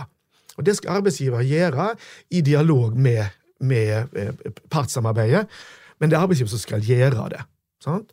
Så det ligger jo innenfor både partssamarbeid, det ligger innenfor HMS, og du har bedriftshelsetjenester som, er, som, skal være der og både hjelpe til og passe på og delvis gjøre det. Du har et arbeidstilsyn. Jeg skulle kanskje ønske litt mer at Arbeidstilsynet gikk inn og var mer tilsyn. Altså, jeg tenker, ja, Så kan folk lese min bok, og folk kan gå på kurs hos meg eller andre, og så kan de lære seg dette, og så kan de trene seg, og så gjør de noe. Og hvis noen mener de har gjort dårlig arbeid eller brukt feil, feil prinsipper, så så kan jo Arbeidstilsynet ta stilling til det. Ja, og det er kanskje det, det, det, det, er kanskje det som mangler? Altså En eller annen form for ja. klageinstans som ikke er rettsvesenet? Ja, men, men, det har du jo på en måte, da. Fordi at For det første så, så er det jo da både, både verneombud og, og tillitsvalgte kunne ta, ta opp i, i, partssamarbeidet, da, hvis en mener kvaliteten er feil, eller en har brukt, brukt feile prinsipper. Og Ikke minst så skal en diskutere dette på forhånd. Altså I en ideell verden så har virksomhetene prosedyrer og system, og, og de ansatte er lært opp, og dette kommer ikke som noen overraskelse eller, eller no, noen ting, og så, så gjør en det. Um, og, og dermed så foregår det jo ikke sånn som privat ting, på en måte. Det er arbeidsgiver som, som, som får et, en dokumentasjon og et, et, råd. Men arbeidsgiver skal jo ta endelige, den endelige beslutningen. Det er arbeidsgiver som står ansvarlig for det, eh, hvis du bruker eksterne, eller hvis du bruker interne også. da Sånn. Og aller helst vil jo at ledere skal jobbe på denne måten her. Nei, hva kommer til å skje? Altså, det er kanskje, eh, det er kanskje Altså, Hvis en mener at prinsippene i faktaundersøkelse er feil, da må en gå og forsøke å forandre lo lo lovverket vårt. Da må en endre arbeidsmiljøloven, en må endre saksbehandlingsregler, og en må gjøre et storstilt arbeid. Og det må folk få lov til å gjøre. Men, men det, du kan ikke si at ja, eh, reglene er fine, men når vi praktiserer dem, så, så, så, blir det feil. Og det er ikke det at vi gjør feil, men det er prinsippene som er feil. Så det er jo litt, jeg er litt bekymra for at vi på en måte skal komme tilbake til at vi ikke bryr oss om hva som faktisk står. At ikke, at ikke vi tar arbeidsmiljøene våre på alvor, på en måte. da. Og, og at en egentlig ikke skjønner hva det er en egentlig kritiserer. Det er sånn grunn, altså Fagbevegelsen har slåss i 100 år for at arbeidsgiver skal ha et ensidig ansvar for arbeidsmiljøet. Det, det, det han jobber for. En må ikke undergrave det. Men en må stille arbeidsgiver til ansvar for det en har gjort, måten en har gjort det på. En må, må bidra i å utvikle måten en skal gjøre det på. En må være enig om det på forhånd. Og så må vi som fagpersoner vi må jobbe mer med både å sette virksomheten i stand til dette her, stort arbeid. Vi må jobbe mer med å få kunnskap om hva gjør du etterpå. Hvordan gjenoppretter du et fullt forsvart arbeidsmiljø? Det, det vet vi, Den boka er, er ikke skrevet ennå. Det må Vi jo Vi vet en del juridisk hvordan du gjør det. og sånt, og og min erfaring er ikke at det er så voldsomme juridiske konsekvenser som, som du ga eksempel på i stad. Det fins, men, men, det er jo unntakene, det. da. Men mer da, hvordan rett, I hovedsak så skal jo folk jobbe videre etterpå. Det er jo hovedregel. Det, de jobber videre. ja, hvordan, hvordan gjenoppretter du gode forhold? Hvordan får du virksomheten til å fungere? Så det er jo det vi jobber med for tida. Så den boka, eh, det er jo neste bok, da. Og her er jo det, da. Det er ikke hjelp å få i vårt fag internasjonalt. For de bøkene er ikke skrevne. Hvem er det som er best på det per i dag? Ja, er, er det noen som driver med det? på en måte. Nei, hvem er best på det? Nei, det, jeg, jeg, tror ikke jeg har et svar på det. Men jeg tror vi må innrømme at som, som, som fagfolk sånn, at dette vet vi litt, litt, litt, om. Men så var det også sånn at når fag, skulle bli brukt i disse små, avgrensa sakene Arbeidsgiver undersøker, HR undersøker, eh, undersøker, verneombudet er trente på dette, her, vet hva som foregår, fagforeninger er trente, er enige, følger med, overvåker. Så en annen ting som overrasker oss der, det er nettopp at behovet for tiltak etterpå var lavere enn en, en vi trodde. Fordi det ordner seg, på en måte. Fordi at folk sier ok, ja, du, beklager, du er blitt mobba, du hadde rett til klage. jeg skjønner godt at du reagerte, dette skulle ikke ha skjedd, eh, om vi som arbeidsgiver beklager at du har vært gjennom dette, her, og i den grad det har fått noen uheldige utslag, så skal vi rette opp, rette opp i det. Så er det ofte folk sier ja, det var bare det jeg, jeg ville, ville, vite. Så for meg setter jo i gang ganske tidlig med å, følge opp på tiltak, sånt, men har mye mindre behov for det enn det vi egentlig trodde. Så det forundrer oss jo, på en måte. da. Så kan det hende nå, når vi får litt mer større og kompliserte saker, og folk begynner å klage på hverandre, på, også på urimelige ting. at Det er den som klager, som er mer urimelig blitt. Sånn. Så trenger vi mer av dette. Da. Så, så vi jobber i alle fall da med å se hvordan kan bli mer systematiske og strukturerte og få metodikk på det. Så det er ikke et spørsmål som vi ser i noen sånne eh, innlegg eller kronikker. Vi må slutte med faktaundersøkelse, nå må vi ha dialog. Du skal ha, du skal ha dialog på diskutable saker og så skal du ha saksbehandling på klanderverdige saker. Så det er ja takk, begge deler. Og Så kan det hende at du skal ha dialog i etterkant av faktaundersøkelsen. Det kan godt hende. Men da er det jo viktig å vite på hva grunnlag er det vi snakker. Snakker vi på et grunnlag der ingen av oss har anklaget hverandre? Ja, men så fint. Eller snakker vi på et grunnlag av at en av oss har gjort noe det de ikke skulle ha gjort? Eller har begge to gjort noe de ikke skulle ha gjort? Er det på det grunnlaget vi snakker? snakker vi nå på et grunnlag av at vi har vært gjennom en situasjon der vi alle har gjort noe dumt, men nå skal vi komme oss videre. Og det er så dumt, vi skal ikke ha omkamp på det, men vi skal rette blikket framover. Vi er ferdig med det nå. Så på hva grunnlag skal du ha dialogen? Det er jo der faktaundersøkelsen har ei, ei, ei rolle. Er du redd for at de terapeutiske metodene kan komme tilbake igjen i arbeidslivet som et svar på hvordan vi skal håndtere konflikter? Jeg er jo spent på det. Jeg, jeg tror kanskje at denne kritikken, eller, eller jeg tenker at denne kritikken kommer, kommer for seint. Altså, i betydningen eller, altså Det å få en diskusjon for og imot faktaundersøkelse, det er på en måte et tilbakelagt stadium. Det, det, det er ganske uinteressant. Jeg håper jo at ikke fagforeninger hopper opp på den, for da blir vi satt tilbake i tid. Uh, og iallfall må en da ha noe å sette inn istedenfor. Og jeg hører jo nå at kritikken går på at de burde heller hatt dialog på et tidligere stadium. Det er vi vel kanskje alle enig i. Men det er ingen som har funnet opp tidsmaskinen ennå. Og hvis noen finner opp den, så skriver han den første til kjøperen, altså. Eh, så, så, det er det ikke tvil om. For vi har god dokumentasjon på at skikkelig konflikthåndtering på et tidlig tidspunkt virker bedre. Men det er samme prinsippene som skal brukes som i faktaundersøkelsen, bare på et tidlig tidspunkt. Så jeg tror jo kanskje at eh, den, den sånn for og imot, den, den kommer for seint og er ikke spesielt konstruktiv. Men en diskusjon som ser på hva forutsetninger er det, i hvilke situasjoner skal vi ha det, hvordan skal vi gjøre det, hvordan skal vi sikre kvalitet på dette her, hvilken rolle skal Arbeidstilsynet ha i dette her, hva, hva, hvordan håndterer det i etterkant. Altså, det er jo en veldig interessant diskusjon, som vi har hatt i 15 år.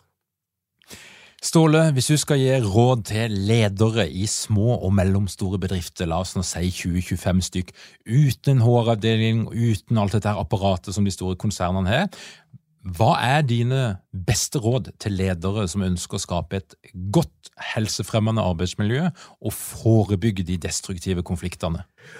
Ja, Det vet vi mye om. For det første, eh, hvis du tenker ren sånn forebygging, så handler det om tydelighet. Uh, litt, litt, av samme som en fant ut når en spurte hvordan skal vi forhindre ulykker og, og dødsfall i arbeidslivet på, på 80-tallet. Så kom jeg fram til jo, det er orden og ryddighet. Så i dag er det orden og ryddighet på norske industriarbeidsplasser. Det var det ikke før. Det er det samme på det psykososiale. Orden og ryddighet i det psykososiale miljøet. Tydelige mål, tydelige roller, tydelige forventninger, tydelig ledelse, rettferdig ledelse, rimelig ledelse, ryddighet, på en måte, i det organisatoriske, i det ledelsesmessige. Punkt én. Punkt to, tren deg opp i konflikthåndtering. Altså. Og, ikke bare gjør det, men snakk om det. altså Snakk i fredstid. Ja, men hva gjør vi hvis, hvis, vi får en sånn sak? da? Hvordan håndterer vi det? Og Du vil ha verneombud, og du vil ha tillitsvalgte. Diskuter det.